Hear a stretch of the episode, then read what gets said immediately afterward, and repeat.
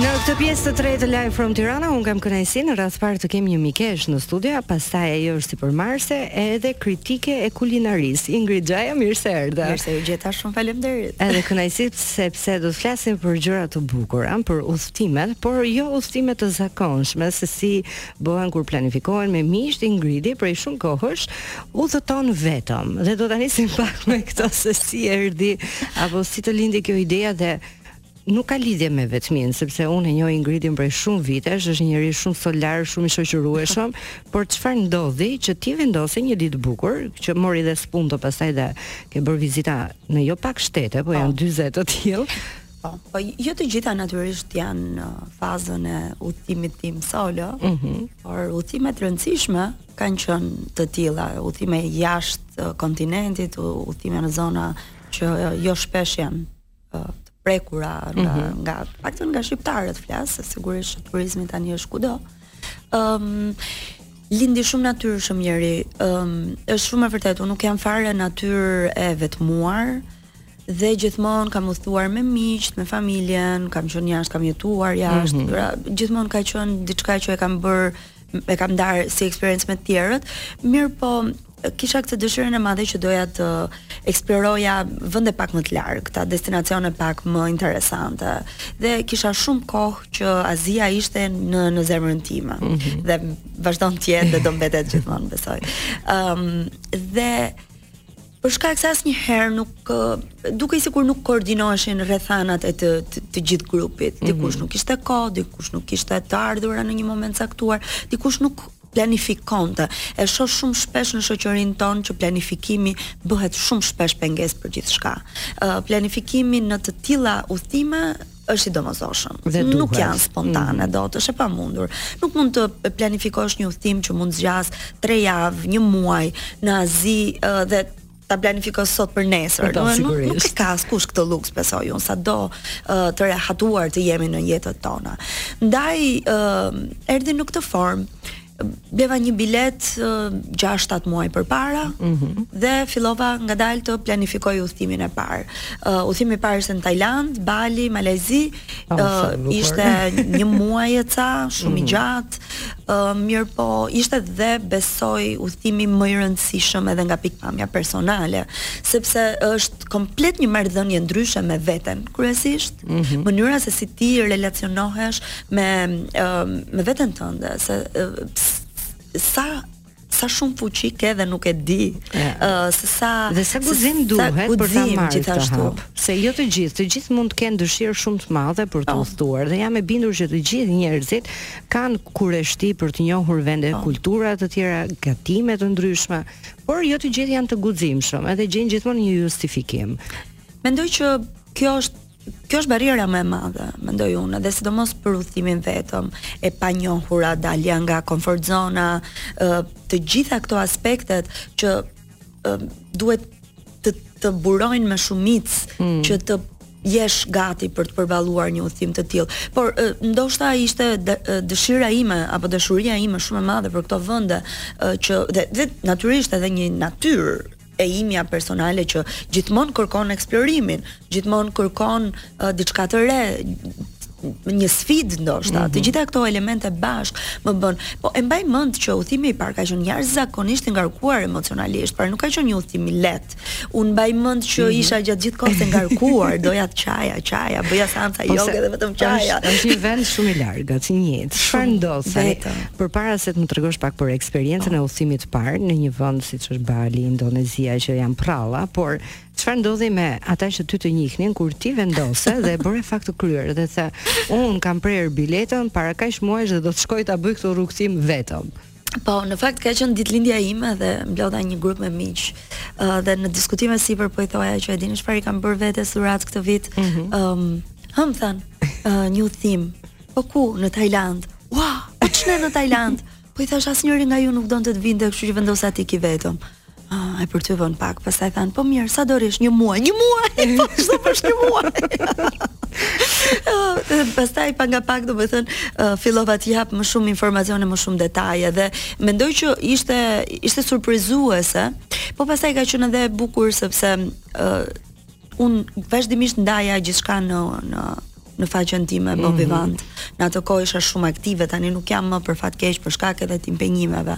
Mirëpo, ishte shumë e bukur sepse sido që të jetë, uh, kam përshtypjen që të gjithë panë uh, ishte ndoshta edhe një çik më përpara se ka qenë 2018-a, ndoshta më përpara se të kishim kaq shumë influencers që na mbushnin me kaq shumë informacion, se në atë kohë ishte edhe pak më e vështirë. E mbaj mend ishte një ditar, unë do ta quaja ditar, po. Po. sepse të pak exactly, kështu e kam parë, unë ishte një ditar ditor që ti bëje, po. Po. jo vetëm për të ndarë eksperiencat, por edhe për të dhënë këshilla, E pastaj është edhe pasioni yt që ka lidhje me kulinarinë. Po edhe për të ulur pak stigmën do thoja, është shumë e rëndësishme kjo. Ë uh, vajzë që udhton vetëm, po nuk është ndonjë gjë e tmerrshme, udhtohet vetëm.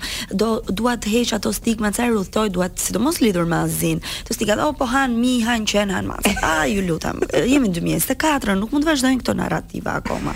Duhet të jemi më mirë se kaq. Bota është jashtëzakonisht shumë e bukur dhe sigurisht është e frikshme dhe e panjohura është gjithmonë sfiduese, por nga ana tjetër merr kaq shumë lumturi dhe shikon gjëra kaq të bukura të hapet mendja në kaq shumë dimensione sa e, duhet ndoshta ta lëmë veten pak më të lirë. Mua këto udhëtime në thelb më kanë sjellë sot një biznes shumë të bukur. Pra, e, ndoshta jo në mënyrë të drejtpërdrejtë, po në mënyrë të tërthort, më më kanë dhënë kaq shumë sa as vetë nuk e mendoja pesë apo gjashtë vite përpara kur i kam nisur t'i bëj.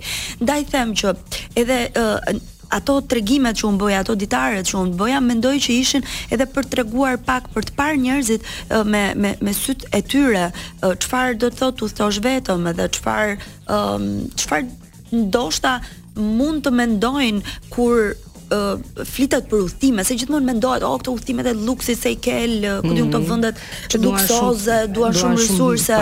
Po.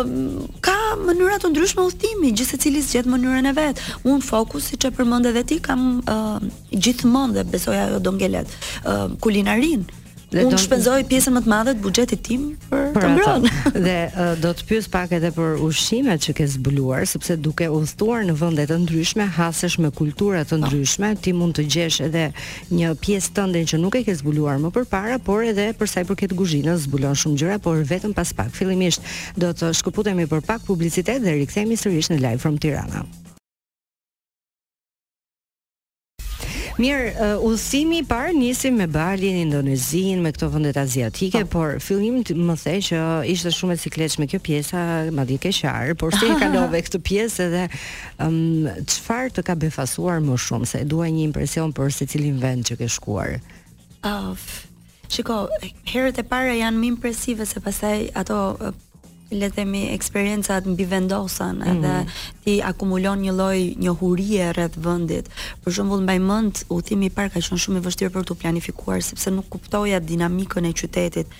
Për herë të parë një qytet gjigant. Flasim mm. për Bangkokun, uh, që është huge, është shumë i madh edhe ëm um, ria lexoja blogje, lexoja uh, këtu çdo gjë të mundshme informacion, uh, një research shumë i gjatë dhe mbaj mend që ka qenë uh, shumë e vështirë derisa arrita dot të kuptoj se çfarë doja të bëja në atë qytet. Dhe kuptova pastaj kur arrita që um, kërkimi që kisha bërë nuk ishte domosdoshmërisht i nevojshëm. Mm -hmm. Qyteti ishte shumë mikpritës ndaj turistëve, ka disa vende në Azi që janë goxha më të lehta për t'u um, për për t'u eksploruar le të themi mm -hmm. edhe kur je turist anglishtfolës.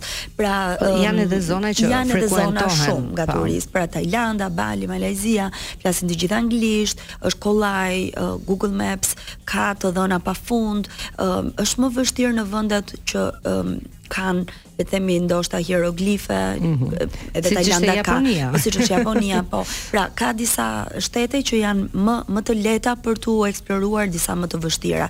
Megjithatë mbaj mend të thashë në term emocioni dy gjëra interesante. E para, um, këtë emotivitetin që kisha gjatë gjithë kohës qaja nga nga lumturia nuk e besoja dot që isha aty mm -hmm. domethënë kisha kështu një një një mix emocionesh po një mbledhje në fyt gjithë kohës isha kështu dhe e dyta gjë që më bënte shumë përshtypje ishte ushqimi në rrugë mm -hmm.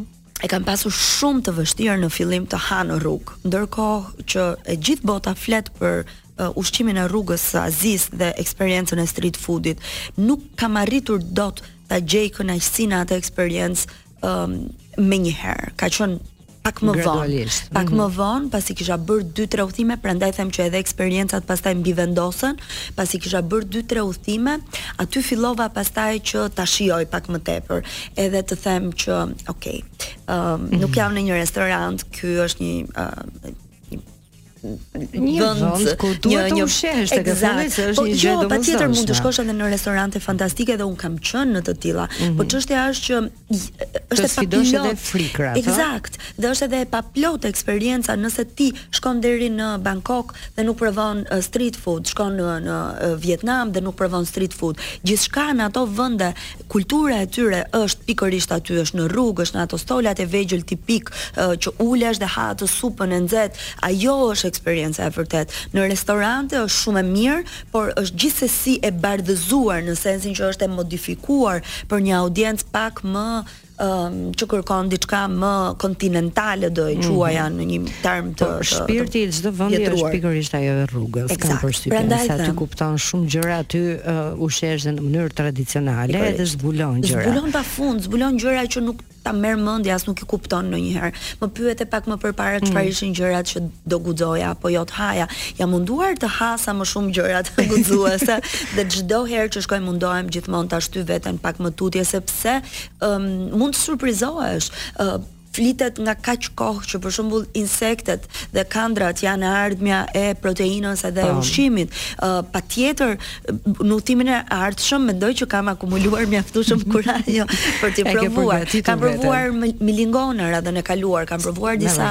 Po, si, uh, asgjë, jo, nuk, ishte një diçka pak e thartë. Okay. nuk ishte diçka mm, impresionuese. Okay. Jo, nuk më bëri okay. ndonjë gjë. Përshtypje jo, të jo. veçantë, okay. Uh, ka ushqime pastaj që janë një çik më të komplikuara për t'u shijuar. Për shembull në uh, kulturën aziatike ka shumë ushqime që teksturat e tyre janë të vështira për t'u perceptuar.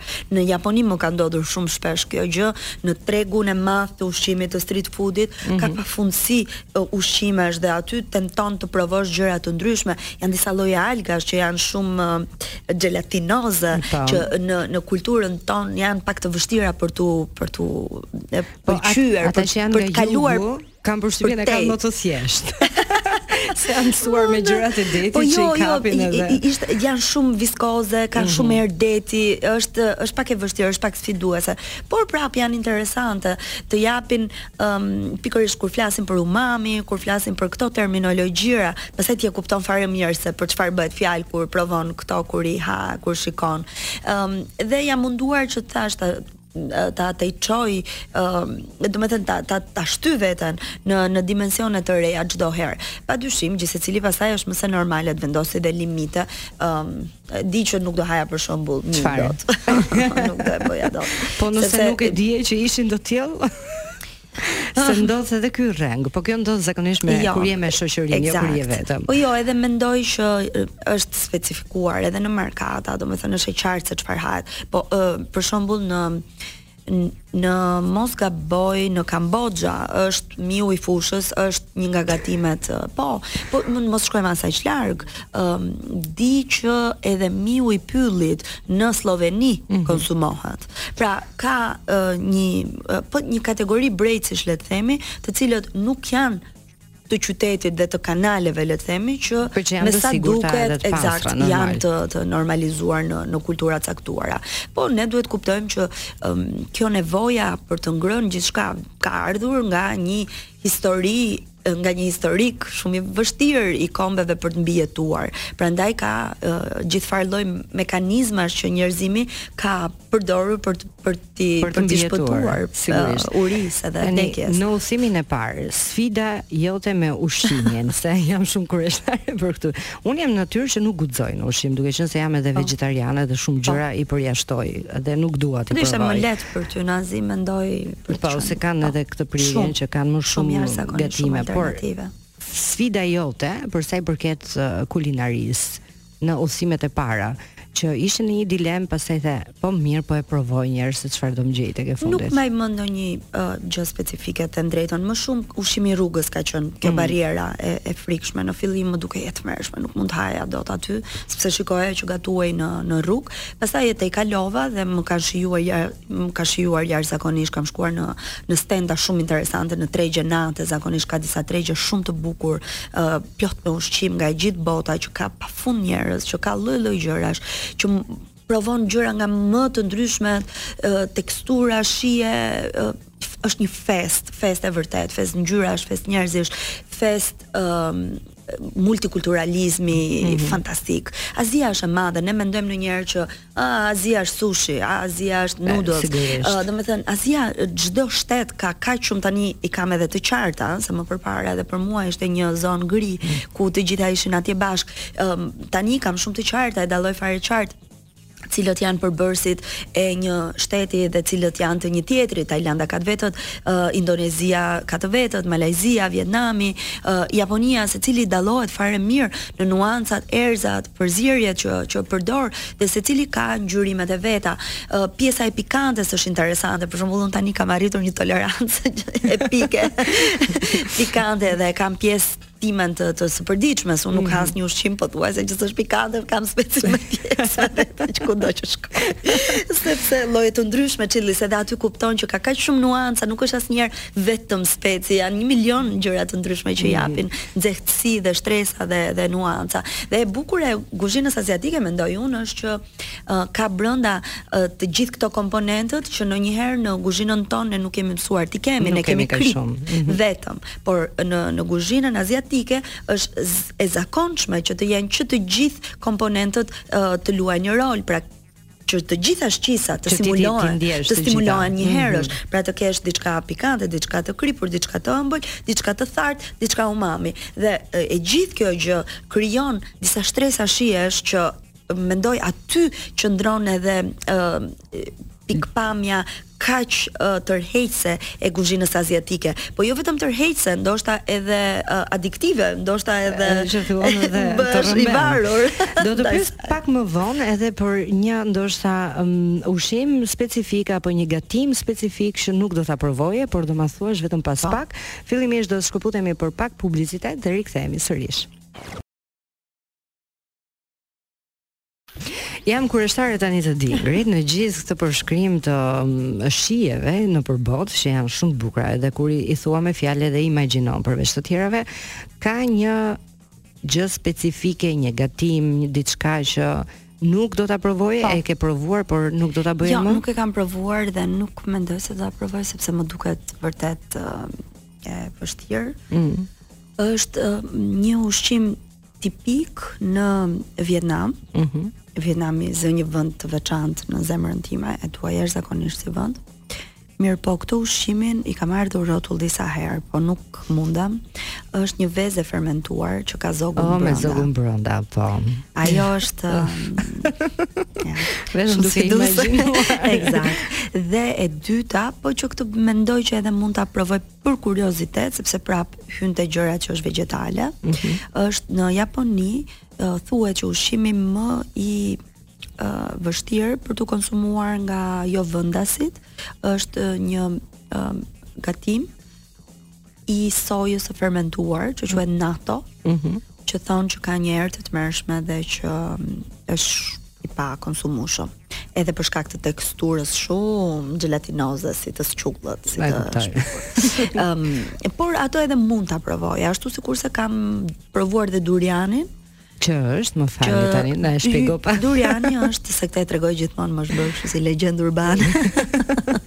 po duriani është një frut, Mhm. Mm uh, shumë i madh me me si me gjëmba nga pjesa e jashtme që ka një mish shumë të butë me një teksturë shumë kremoze, shumë interesante, po me erën më të qelbur që mund të imagjinosh ndonjëherë. Vërtet, dhe ti e ke provuar po, sigurisht. Unë kur kam shkuar për herë të parë në në Tajland, ndieja një kështu si erë të qelbur dhe nuk e kuptoja nga vinte. Ëm mm -hmm. um, dhe Eventualisht e identifikova, ah, thash prandaj që ka kaq probleme dhe në hotelet në Tajland për shembull ka shenja që nuk lejohet duriani brenda sepse është më shumë. Ka aromë të keqe. Dhe ndërkohë është edhe i kushtueshëm edhe është edhe frut i vyer. Dhe është shumë interesante ajo ndarja uh, midis nesh që nuk e konsumojmë dot fare dhe të tjerë persona dhe sidomos aziatikët vetë që e kanë shumë normale dhe thonë që shumë i mirë është edhe shumë i ushqyeshëm. Hyn edhe tek këto uh, kategoria e frutave dhe ushqimeve që janë edhe shumë të përshtatshme për um, për të gatuar me me të kripura. Mm. Pra ka le të themi gjen një Pra që përdoret gjerësisht në kuzhinë. Po, pak si jackfruti edhe duken edhe njësoj madje në disa aspekte dhe që gjejnë uh, përdorime nga më të ndryshme në në kuzhinë. Po, ishte shumë sfiduese. Megjithëse ndoshta do i jepja prap një shans për ta provuar. Tani nga të gjitha vendet që ke shkuar, se ne përmendëm disa, por janë po. edhe shumë shumë po, të po, tjerë. Dhe kush ka qenë koha më e gjatë? Në cilin vend ke ke jetuar më gjatë, po po e them kështu. Po një muaj ka qenë ky udhëtimi që kam bërë, le të themi në e nisa në Tajland, në 2-3 vende në Tajland, pastaj zbrita poshtë në Malajzi, pastaj në Bali, pastaj u ngjita prapë në Tajland. Mm. pra ka qenë një udhëtim prapë u mhm. riktheva mm -hmm. dhe pastaj nga Tajlanda u ktheva mbrapsht. Pra ëm um, ndoshta ky ka qënë udhëtimi më i gjatë, që ka qënë kam përshtypjen diku një muaj e pak. Mm -hmm. Në të treja këto të shpërndara me lëvizje, me një skedul që e lashë veten goxha të lirë që ta shijoja. Ë uh, hapësirat atje janë të të mëdha, lëvizjet me aviona, avionat janë të lirë. Ë um, rrija disa ditë në një qytet lëvizja, pastaj në një tjetër, në një tjetër dhe ishte shumë udhëtim i bukur, shumë spontan edhe uh, aty ku më pëlqente të qëndroja, qëndroja pak më gjatë edhe um, më bëri që të mos jem e detyruar të të mbaj një një skedul strikt, le të them. Mm -hmm. Kjo është edhe e bukur kur e thua vetë. Sigurisht. Tani nga të gjitha eksperiencat që ke pasur, po. je një lloj guide e mirë për njerëz të tjerë, pra vjen dikush nëse Jeri do të shkojë në Tajlandë. dhe vjen te Ingridi dhe i thotë çfarë duhet të ketë parasysh Jeri përpara se të niset. Po mendoj që jam një guide e mirë për ata që udhëtojnë ngjashëm me mua ose që duan të kenë një eksperiencë të ngjashme me mua. Unë nuk shpenzoj shumë para asnjëherë për hotele të shtrenjta. Mundohem që të kursej një pjesë aty. Do të pyesja pak se po. kur je në grup është, ti i ndan shpenzimet, po. ndan edhe hotelin, ndan edhe transportin publik edhe jo vetëm, ushqimin gjithashtu. Kur je vetëm, a ke një kosto më të madhe? Po, patjetër që ke gjithmonë, sidomos për këto. Për Mhm. shembull në Bali që nuk ka transport publik, kisha një shofer privat. Mhm. Goxha luks. Megjithëse duhet thënë edhe që janë vende me standard shumë të ulët ë ekonomik dhe shumë, janë shumë të përballueshme. Pra ti qëndron nëpër ë, apartamente shumë të këndshme shumë të bukura me tridhjetë, dyzet euro maksimumi, të paktën në atë kohë, nuk e di nëse tani tregu ka ndryshuar. Gjithashtu edhe në Tajlandë, pra unë kam ndenjur në vende deri diku luksoze do i quaja në sensin që ishin jashtëzakonisht të të rehatshme me me pishina të vogla brenda, pra me me me disa gjëra, po jo në resorte të mëdha dhe në gjëra të tilla. Pra arrin të kesh një buxhet. Unë mundohesha gjithmonë të mbaja një buxhet diku tridhjetë, dyzet euro në ditë diku shpenzoja më shumë, diku më pak, uh, miksoja kur e shikoja që po e tejkaloja pak buxhetin, uh, qëndroja në ndonjë hostel, unë nuk e kam problem të qëndroj edhe në hostele. Um, pak si vonë kam nis këtë sport, po s'kemi po, udhëtuar dot më përpara. Më mirë vonë se sa asnjëherë që po, eksperienca të bukura. Po, duhen hequr stigmat. Dhe është bukur në fakt edhe për pjesën e socializimit, kjo Dhe doja të pyesja tani. Takon shumë njerëz nga gjithë bota, po. Dhe takon njerëz. Ke ruajtur kontakte për shembull me dikë apo po, me një grup po, njerëzish që ke njohur? Kam përshtypjen që grupet që takon jashtë në këto lloj udhëtimesh bëhen bashkë nga nevoja e përbashkët në atë moment të caktuar për për të mm -hmm. për të qenë aty për të ndar kohën. Ë uh, po kam një mikesh nga Kalifornia që hera herës shkruhemi, që ndiqemi, kam ca miq tjerë nga India, nga Australia. Ka qenë shumë e bukur, nuk e ke idenë, do do veçoja një një darkë të veçantë në në Vietnam, kemi qenë në Hanoi, uh, katër persona nga backgrounde komplet të ndryshme, uh, një djalë nga Anglia, un, uh, një djalë nga Vietnami dhe një, kjo vajza nga Kalifornia, që në një moment të caktuar, në një vend të caktuar, mm -hmm. ishim duke ndar uh, një bisedë jashtëzakonisht uh, cilësore. dhe është e pabesueshme. Ti mund të kesh miq që i njeh nga vite dhe nuk bën biseda në një nivel aq uh, të vërtet, aq prekës, aq um, aq interesant, aq të vërtet në shumë nivele, të vërtetat e tua. Mm -hmm. uh, dhe bëhesh me katër të panjohur në një vend duke ngrënë një oriz të skuqur në dy të natës duke pirë uh, një një një birrë të ngrohtë në Hanoi.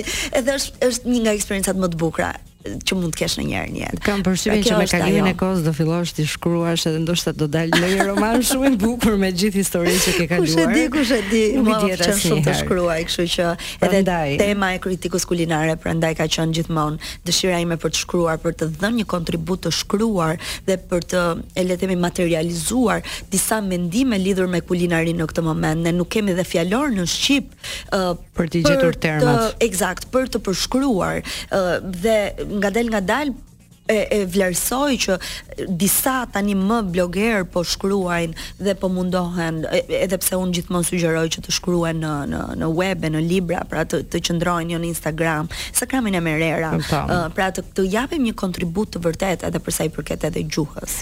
Çfarë nuk mungon në valixhen e Ingridit ndërkohë që shkon në udhëtimet e veta? Ua, jam super minimaliste, kam mësuar të udhëtoj me shumë shumë pak gjëra. Këtë mhm. udhëtimin mm -hmm. një muaj e ca e kam bërë me një valixhe nga ato të vogla të uh, cabin mm -hmm. uh, mhm. size, sepse dija që do lëvizja shumë dhe vetëm me atë nuk mungon uh, Me ti çfarë vetëm karta e kreditit mund të bëhet asgjë tjetër. Asgjë tjetër edhe telefoni, okay. Tjera mund të bëhet ato.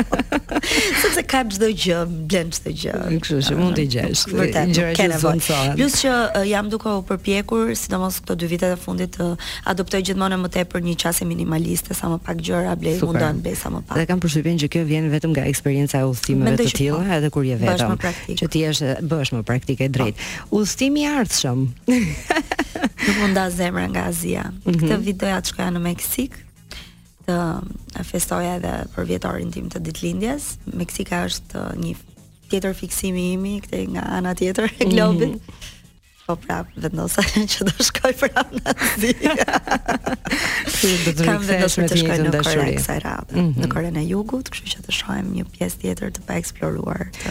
asaj harte. Dhe në fund fare, duke qenë se jemi në minutën e fundit, për të gjithë ata që janë në dëgjim dhe që kanë këtë dashurinë, por nuk gjejnë guximin, çfarë këshille se mendojnë njerëzit që nuk kemi para, um, po, gjërat po. kushtojnë. Çfarë po. këshille do t'u jepje? Po shiko kushton padyshim, por uh, planifikimi është kyçi për mua. Mm -hmm. uh, planifikoje tani, blihet bileta, pra një investim, pastaj ke mundësi të akumulosh pak të ardhura dhe të bësh pastaj më vonë hotelet, pastaj pak më vonë të planifikosh itinerarin. Pra nëse bëhet planifikimi i mirë, le të themi 6 muaj përpara, ke mundësi për t'ia dalë në atë udhëtim. Dhe jam e bindur që në terma financash as unë nuk kam shkuar me buxhete të mëdha, i ia dilet. Këshilla e vetme është mos prisni, bëheni tani. Vërtet. Tani në këtë moment. Ingrid, unë dua të të falenderoj shumë e dashur dhe të falenderoj edhe për këtë eksperiencë që ndave me ne dhe që të le të shpresojmë që ata që nuk kanë pasur guxim le ta bëjnë tani. Faleminderit dhe shumë suksese e dashur. Ne shkojmë në publicitet dhe rikthehemi sërish.